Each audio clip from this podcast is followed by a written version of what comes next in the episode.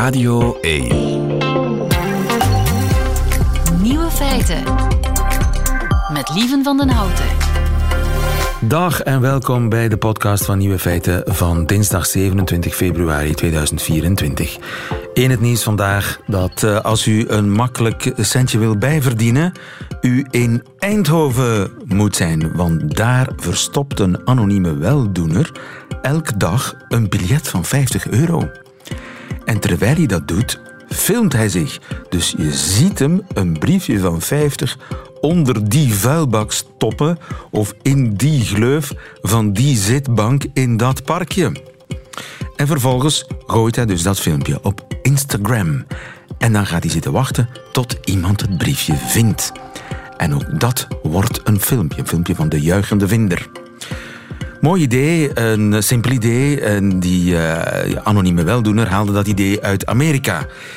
Eerst kwam het geld uit eigen zak, kennelijk gefortuneerde meneer, maar intussen heeft hij ook een sponsor. En waarom hij dat doet? Wel om de mensen blij te maken, heel simpel. En hij heeft inmiddels al 14.000 volgers, dus het is wachten op de eerste vechtpartij. Maar goed, dit zijn de andere nieuwe feiten vandaag. De kinkhoest rukt weer op en dat is gevaarlijk voor de allerkleinsten. Juri Kortens gaat op zoek naar stinzenplanten, wat dat ook mogen wezen. En bikini, salami en dementie. Waarom leggen Nederlanders de klemtoon vaak elders? De nieuwe feiten van Nico Dijkshoorn die hoort u in zijn middagjournaal. Veel plezier.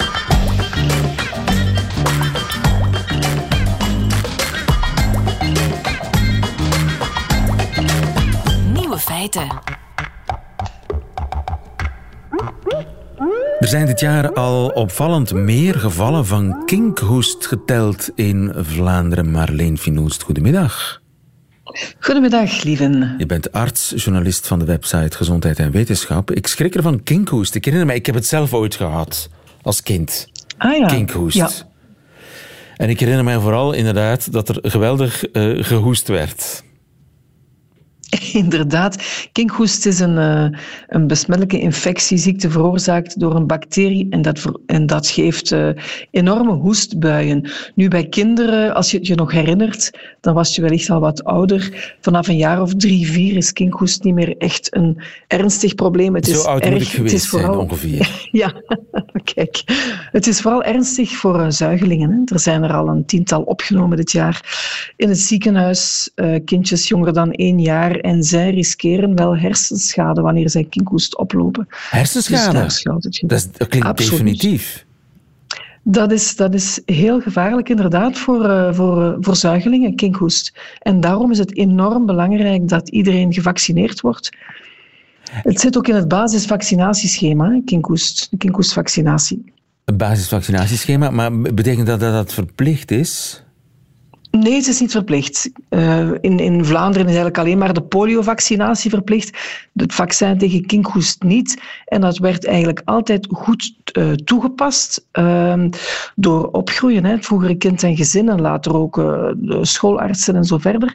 Want je hebt een aantal spuitjes nodig, maar ja, er is de laatste jaren wat meer vaccinatietwijfel. Mensen, jonge ouders zijn wat terughoudender om te vaccineren. Er is ook de migratie. Mensen komen binnen zonder vaccinatie. Dus dat maakt dat, dat, dat, dat, uh, ja, dat die bacterie terug uh, in omloop komt. En dat is zeer besmettelijk. Dus ja, als kinderen het uh, ergens oprapen en ze besmetten babytjes in hun buurt, ja, dan, dan, wordt het een, dan wordt het een gevaar. Een gevaar. En kun je dat niet snel met antibiotica regelen? Niet zo snel, want die kleine kindjes, die, en zeker wanneer ze wat te vroeg geboren zijn, die lopen een groot risico. Die kunnen eigenlijk ook wel stikken. Die blijven in die zeer zware hoestbuien soms, soms hangen. Dus je moet daar uh, vrij snel bij zijn. En dan zijn, brengen antibiotica wel soelaas, maar je geeft dat ook niet zo graag hè, aan hele, hele kleine kindjes, aan pasgeborenen. Dus als je dat kan vermijden, dan moet je dat doen. We hebben een zeer veilig vaccin tegen kinkhoest. Dat wordt trouwens al in de zwangerschap gegeven om die pasgeborenen te beschermen. Dus geeft. Het kinkhoestvaccin, vaccin, dat zeer veilig is, ook voor zwangere vrouwen, in, aan het einde van de zwangerschap, in iedere zwangerschap, om de pasgeborene babytjes te beschermen tegen kinkhoest. Ja, want dat is een vaccin dat natuurlijk al zeer lang bestaat, dat al uh, ja, volledig is onderzocht, alle bijwerking. Het is veilig, dat kunnen, dat kunnen we echt met betonnen zekerheid zeggen.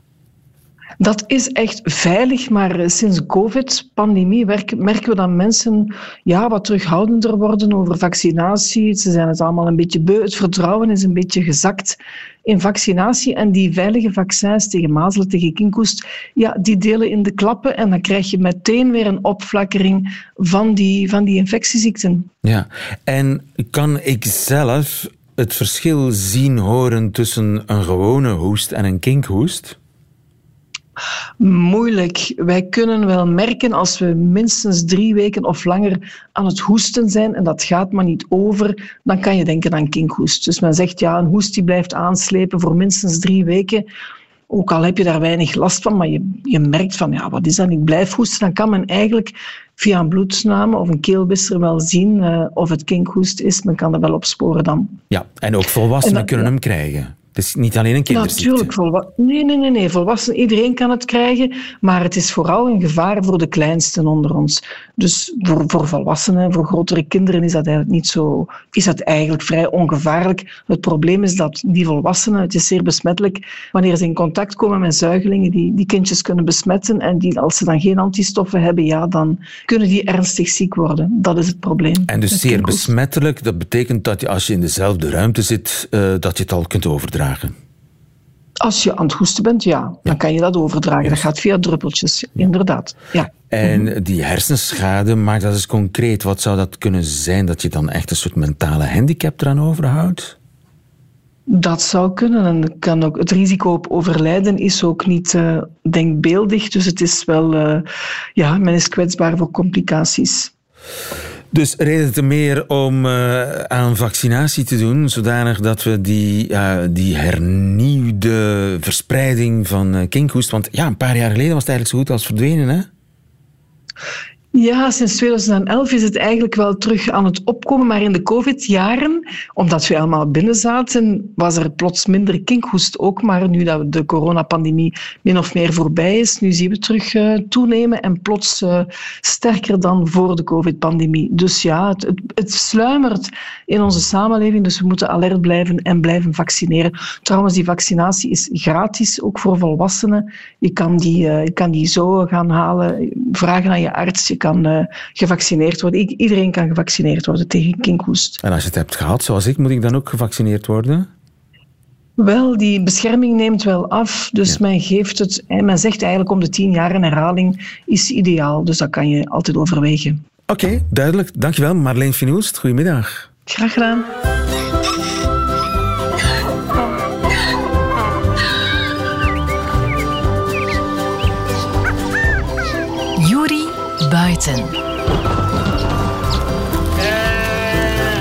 Met Juri Kortens. Een goede middag, Juri Kortens. Ja, goedemiddag. Lesgever bij Natuurpunt, die wij uh, elke dinsdag ja, de hort opsturen. Het Aha. veld in. Uh, het is koud hè, vandaag. Stevige jas aangetrokken, mag ik hopen. Het is echt nog winter. Het is nog winter, maar de zon schijnt. Eindelijk, zou ik zeggen. Uh, en ik ben, ik ben erop uitgetrokken. En het is wel een iets lawaaierige plaats dan anders. Ik zit in Herentals. Herentals? En aan de ene kant, Zo ver ja, voor jou doen? Ja, dat is, dat is echt vijf kilometer van bij mij thuis. Maar ik ben hier geboren en getogen, dus ik ken het als mijn, eh, als mijn broekzak. En waar in Herentals? Uh, wel, dat is een, een domeintje vlak langs de ring en het ziekenhuis. En ook de spoorweg ligt hier langs. Het is enkele hectare groot, maar het is een, eh, een onvervalst Vlaams kasteeldomeintje. En hoe heet het? Uh, van enkele hectare. Le Page. Le, Page. Het kasteel van, of domein Le Page, zo wordt het genoemd. Uh, en uh, ik ben hier natuurlijk niet voor, voor het kasteel op zich, maar wel voor de tuin. Want die is eigenlijk 200 jaar geleden in eerste instantie al ingericht als een soort van wat men toen noemde een lusthof. Een tuin om ja, te bezinnen, om tot je zinnen te komen, om, om daarvan te genieten en dergelijke. En dan heeft men eigenlijk heel veel planten van over heel de wereld naar hier gehaald. Uh, bomen die missionarissen meebrachten, omdat ze heel erkentelijk waren, dat ze geld kregen van de familie van het kasteel. Maar ik ben hier vooral voor één groep van planten waar ik geweldige fan van ben. En dat zijn de stinzenplanten. De stinzenplanten. Even tussendoor, uh, moeten we niet bang zijn van de kasteelvrouw? Of kasteelheer die met twee loops achter je aan kan komen? Nee, nee, nee, nee. Ondertussen is dat eigenlijk allemaal gemeenschappelijk goed. En, uh, en, mag iedereen hier zomaar komen wandelen en genieten oh, van die prachtige stinzenplanten die in bloei staan. Dat ja. klinkt zeer archaïs. Wat zijn Stinzenplanten. Dat klinkt, dat klinkt archaïs en het, het, komt eigenlijk ook uit een stukje archaïsche taal, uit het Fries eigenlijk.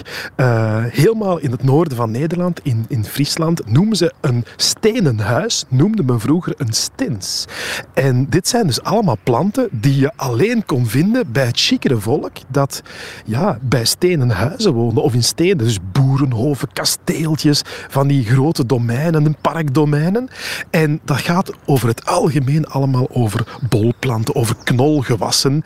En we kennen er daar wel een paar van. Ze. Die zijn ingevoerd vanuit heel vaak Zuid-Europa, maar die zijn dan vanaf de middeleeuwen tot bij ons geraakt. En alleen de mensen die connecties hadden in het zuiden, die konden zich dat veroorloven, hebben dat in hun eh, tuinen geplant. En die zijn dus heel mooi uitgebreid, waardoor je tapijten aan bijvoorbeeld sneeuwklokjes kan vinden. Ah, een sneeuwklokje. Een sneeuwklokje is een stinzenplant. Een sneeuwklokje is een stinzenplant. En dat is, dat is waarschijnlijk ook een van die allereerste, uh, die was al populair in de late middeleeuwen. Uh, er zijn, er zijn uh, ja, dingen van, van jaren 1500 en een beetje geschriften waarbij men die ook beschrijft in de tuinen.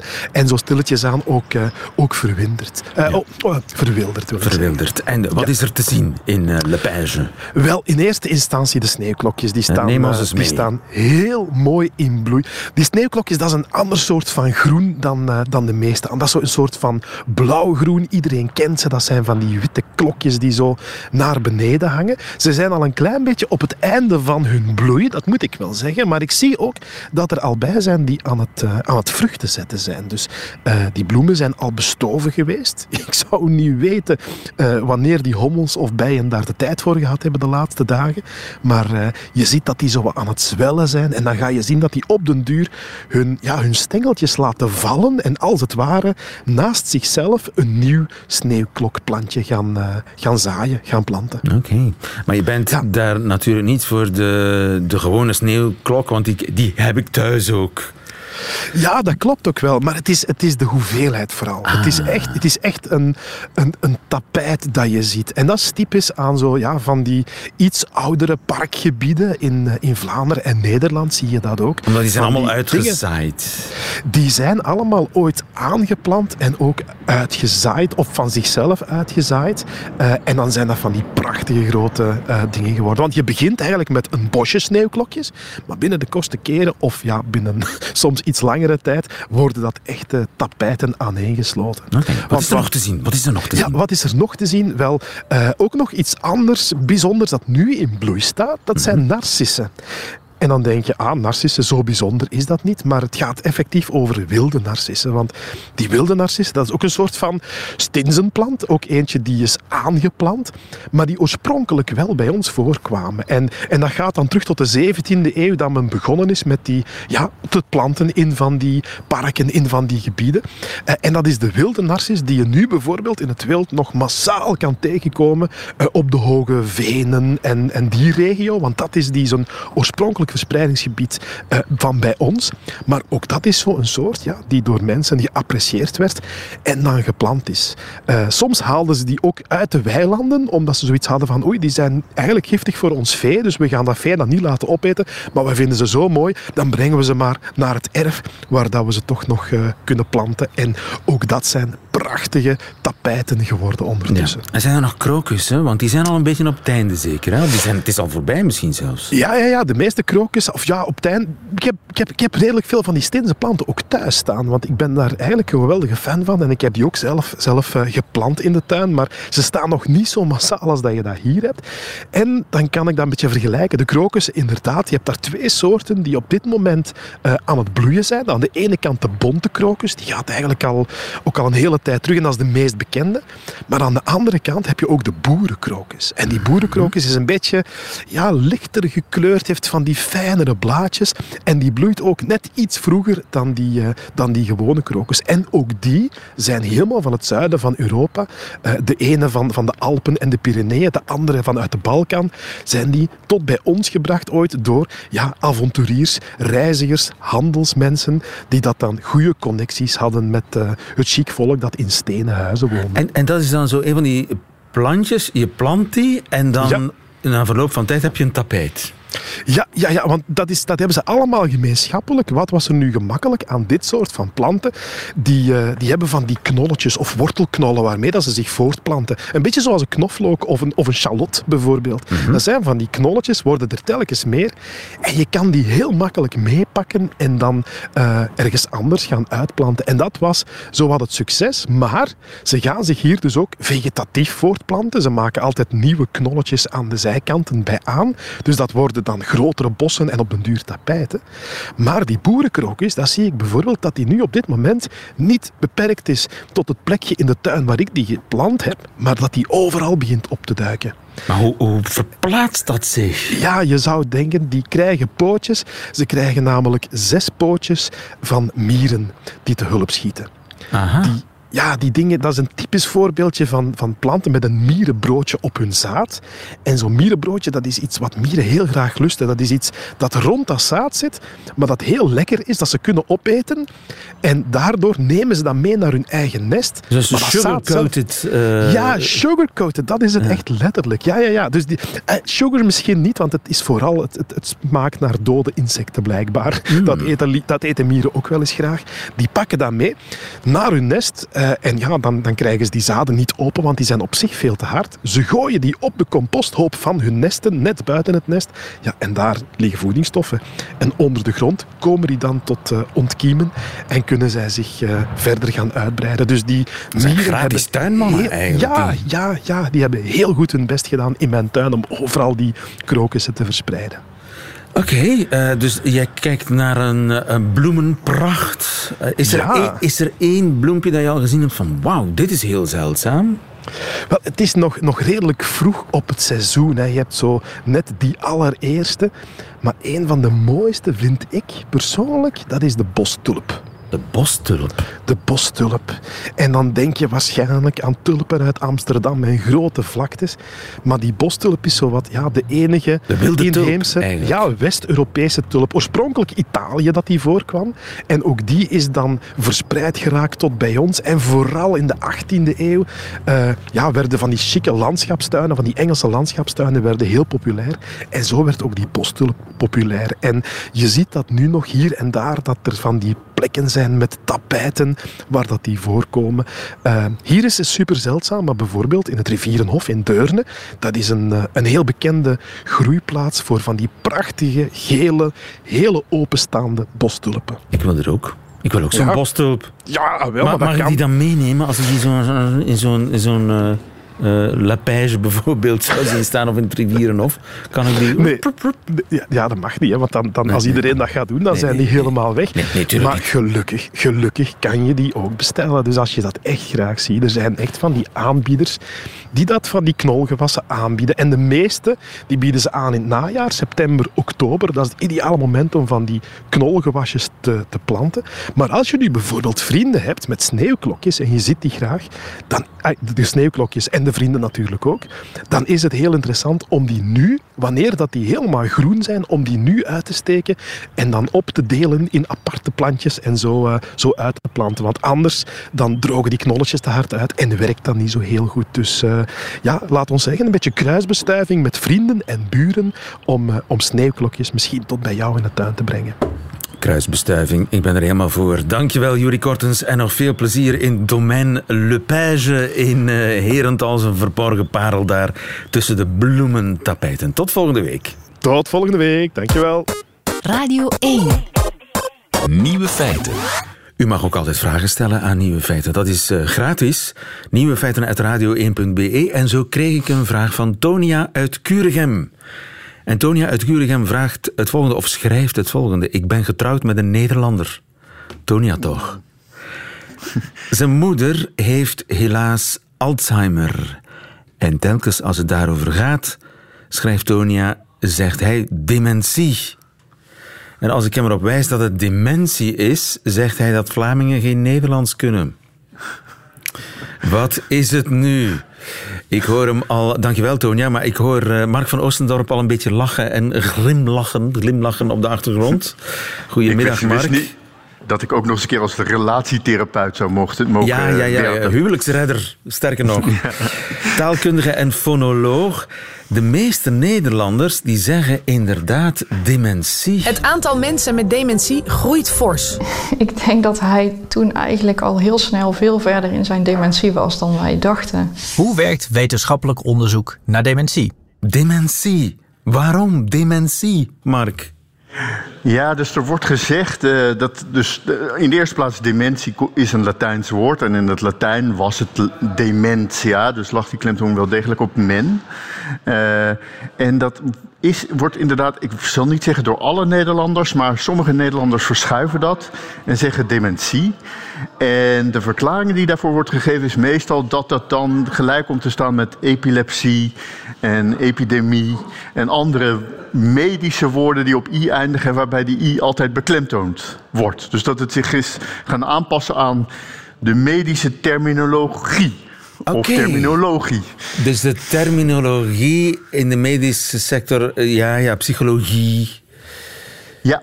Inderdaad, psychiatrie, dementie. Uh, maar je zegt niet efficiëntie, toch?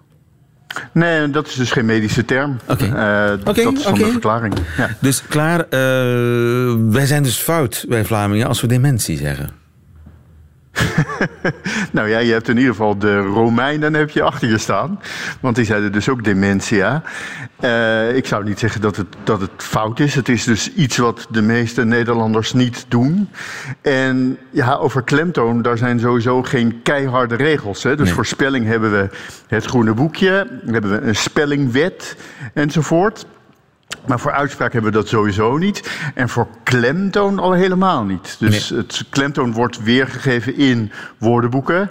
Ik geloof dat in Vandalen dementie en dementie allebei staan inmiddels. Uh, maar ja, Vandalen heeft niet de kracht van wet. Nee. Er is eigenlijk geen wet meer, maar ja, er is toch een soort standaardisering van de taal. Ik als presentator van de VRT-radio eh, zou mij toch moeten aan de regels van de standaardtaal houden. Dus uh, dementie valt daar binnen.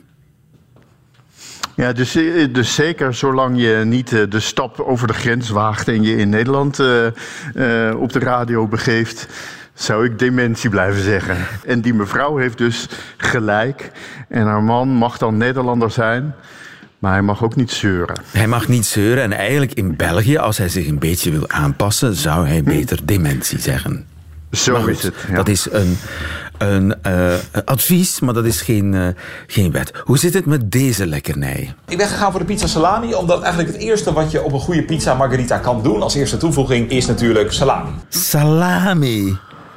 Ja. Hoe belachelijk is dat, Mark van Oostendorp? Salami. Ja, ik moet zeggen, dus hier vind ik het wat moeilijker om jullie uh, uh, bij te springen. Uh, dus Nederlanders zeggen over het algemeen salami. Ik ook. Ik ben getrouwd met een Italiaanse, die zegt ook salami. salami. dus, de Fransen ja, zeggen salami. Denk ik, de, Fransen zeggen, de Fransen zeggen salami. Dus wij zijn eigenlijk ja, de, dus de uitzondering. Wij zeggen salami. Ja, en dat is heel moeilijk te verklaren. Dus in het Nederlands hebben we over het algemeen, wij met z'n allen, Nederlanders en Vlamingen, de neiging om klemtoon te leggen op de voorlaatste lettergreep. Niet op de laatste, maar de voorlaatste.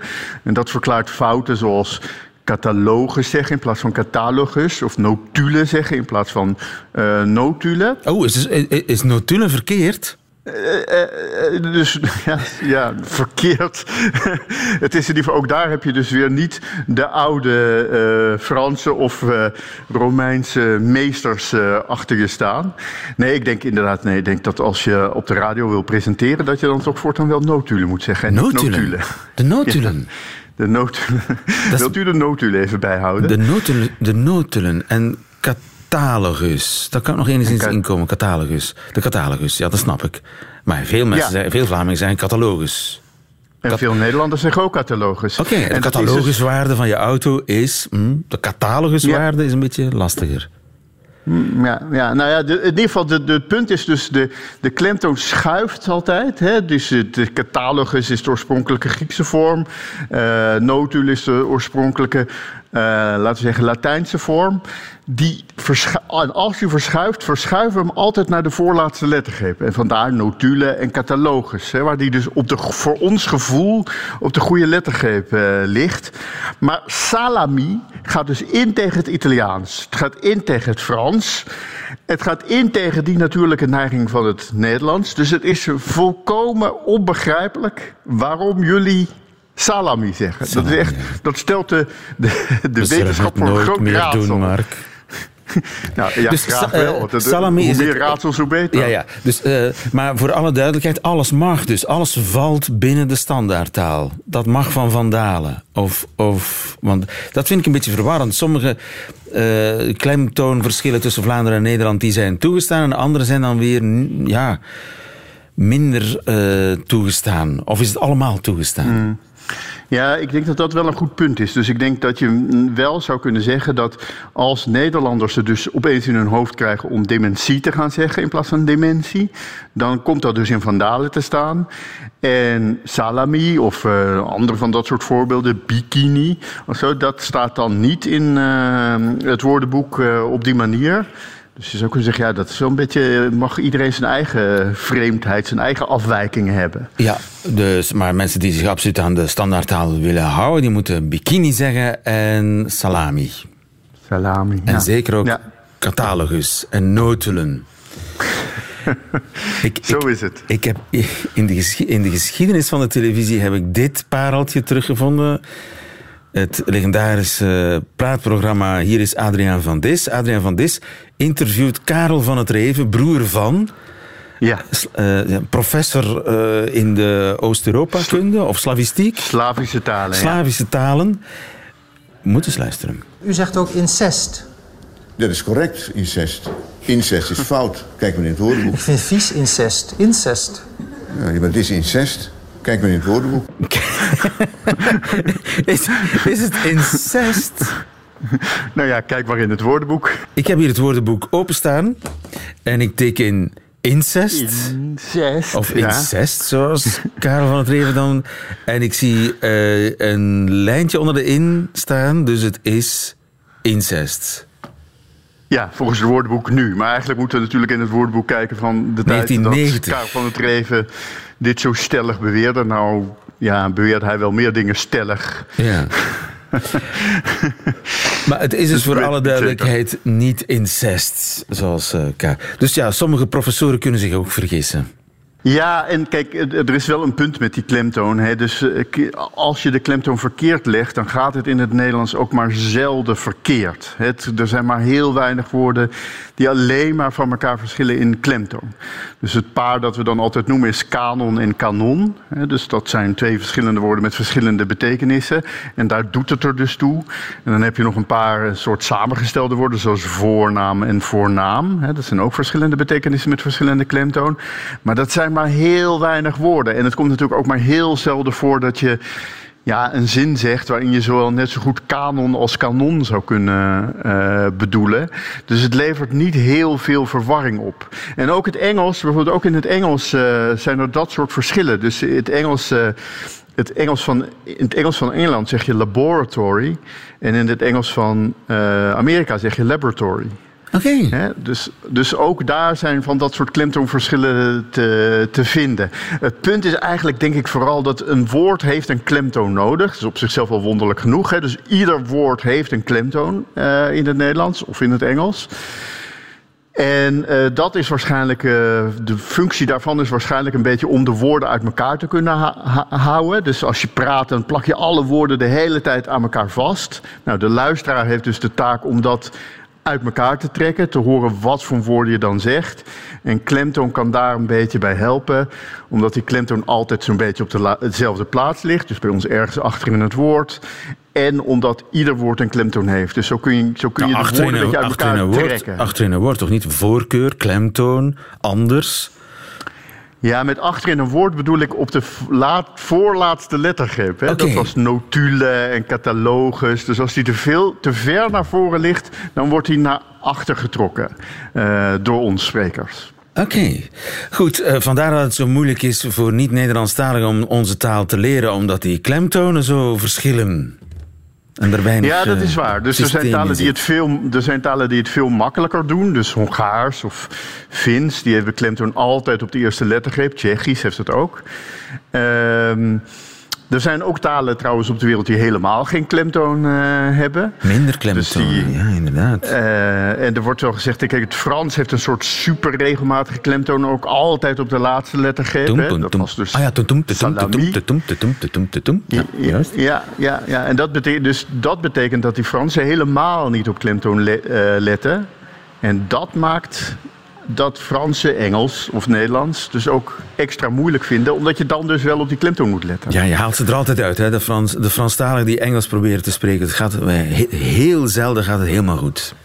Nee, en dat is, dat is gewoon onmogelijk ook om te horen. Dus je kunt ze dat nauwelijks verwijten. Want ze zijn gewoon helemaal niet gewend om op klemtoon. Klemtoon is iets heel subtiels. Dat betekent, je maakt een lettergreep een beetje langer. Je maakt een lettergreep een beetje hoger. Je maakt hem een klein beetje luider. Het zijn hele kleine subtiele signalen die je geeft. Ja, als je daar niet van kinds af aan gewend bent om daarop te letten... dan is het ook heel moeilijk om dat als volwassene nog te leren. Ja, dan ben je klemtoondoof dan ben je klemtoondoof. En dat zijn Fransen uh, bijvoorbeeld. Ja, en daarom zeggen Franstaligen een boeg. Terwijl het een boer is, is een boeg. Daar zijn de boegen. Uh, huh? Ja, so, sorry lieve, maar boer heeft één lettergreep. En dan is het niet heel moeilijk om te raden op welke lettergreep die klemtoon ligt. Ja, zeg dat aan de Franstaligen. Mark van Oostendorp, dankjewel. Goedemiddag. Goedemiddag. Nieuwe feiten. Radio 1. En dat waren ze weer, de nieuwe feiten van vandaag, dinsdag 27 februari.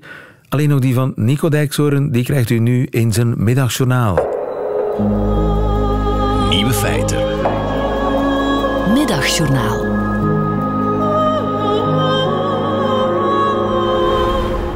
Beste luisteraars. Gisteren werden de Michelinsterren uitgereikt voor de beste restaurants in België. Sommige koks namen in tranen hun prijs in ontvangst. Ze bedankten hun vrouw, hun kinderen, hun hond en hun parkiet. Zonder vlekkie en zonder fladder zou ik dit niet hebben gekund. Enkele koks deden zelfs hun vuist omhoog. Ze hadden gewonnen van een andere kok. En luisteraars, ik werd daar een beetje verdrietig van. Prijsuitreikingen gaan namelijk maar om één ding: de jury zelf. Daarin zitten mensen die blijkbaar van zichzelf vinden dat zij een volgorde aan kunnen brengen in een kunstuiting. Als de beste paardenworst wordt gekozen, daar kan ik me dan nog wel iets bij voorstellen, maar literatuur, schilderkunst en culinair toveren, je zou het moeten laten voor wat het is. Niet als jurylid je eigen keuteltje naast ieder bord willen leggen. En zo, luisteraars, zit ik in de wedstrijd. Iedereen die denkt als bijvoorbeeld het beste kinderboek van het jaar wordt gekozen, dat hij of zij iemand op de zevende plaats kan zetten, is gek en megalomaan. Probeer het voor u te zien. Hugo Claus en Louis Paul Boon, die als schrijvend de vinger zelf op het leven leggen, en dan als jurylid, een oude bankdirecteur, aan een van die twee durven te zeggen dat ze helaas tweede zijn geworden. Maar goed, ik heb besloten om terug te slaan. Ik ga de rest van het jaar juryleden jureren. Bij Michelin-juryleden is dat niet mogelijk, want die eten als doodsbange eekhoorntjes in het geheim. Maar bij literaire prijzen paraderen juryleden apetrots een jaar lang in het rond. Ik ga zo'n juryvoorzitter een jaar lang jureren. Naast haar staan wanneer ze afrekent in een supermarkt en dan hoofdschuddend iets in een bloknoot schrijven. Duidelijk zichtbaar voor haar woning gaan staan en iets noteren als hij haar kat verkeerd aait. Opeens naast haar in de sportschool, wachten tot ze een gewicht optilt en dan hoofdschuddend iets in een schriftje schrijven. Luisteraars, ik wil het die prijsuitdelers laten voelen. Doen wat je het allerliefste doet. Iets doen omdat je het niet kunt laten. En daar dan in een regias naast gaan staan om er een cijfer aan te hangen. Laat ik met mijzelf beginnen. Dit middagjournaal een 6 min. Het is namelijk nooit goed om boos te praten over een randverschijnsel. Maar nu ik toch bezig ben, luisteraars, leven de kunst, dood aan de jurering.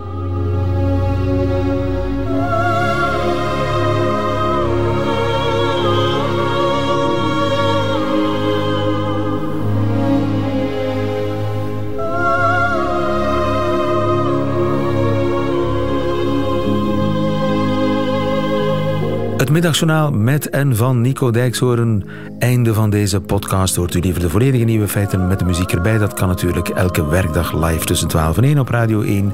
Of uitgesteld in de app van VRT Max. Tot een volgende keer.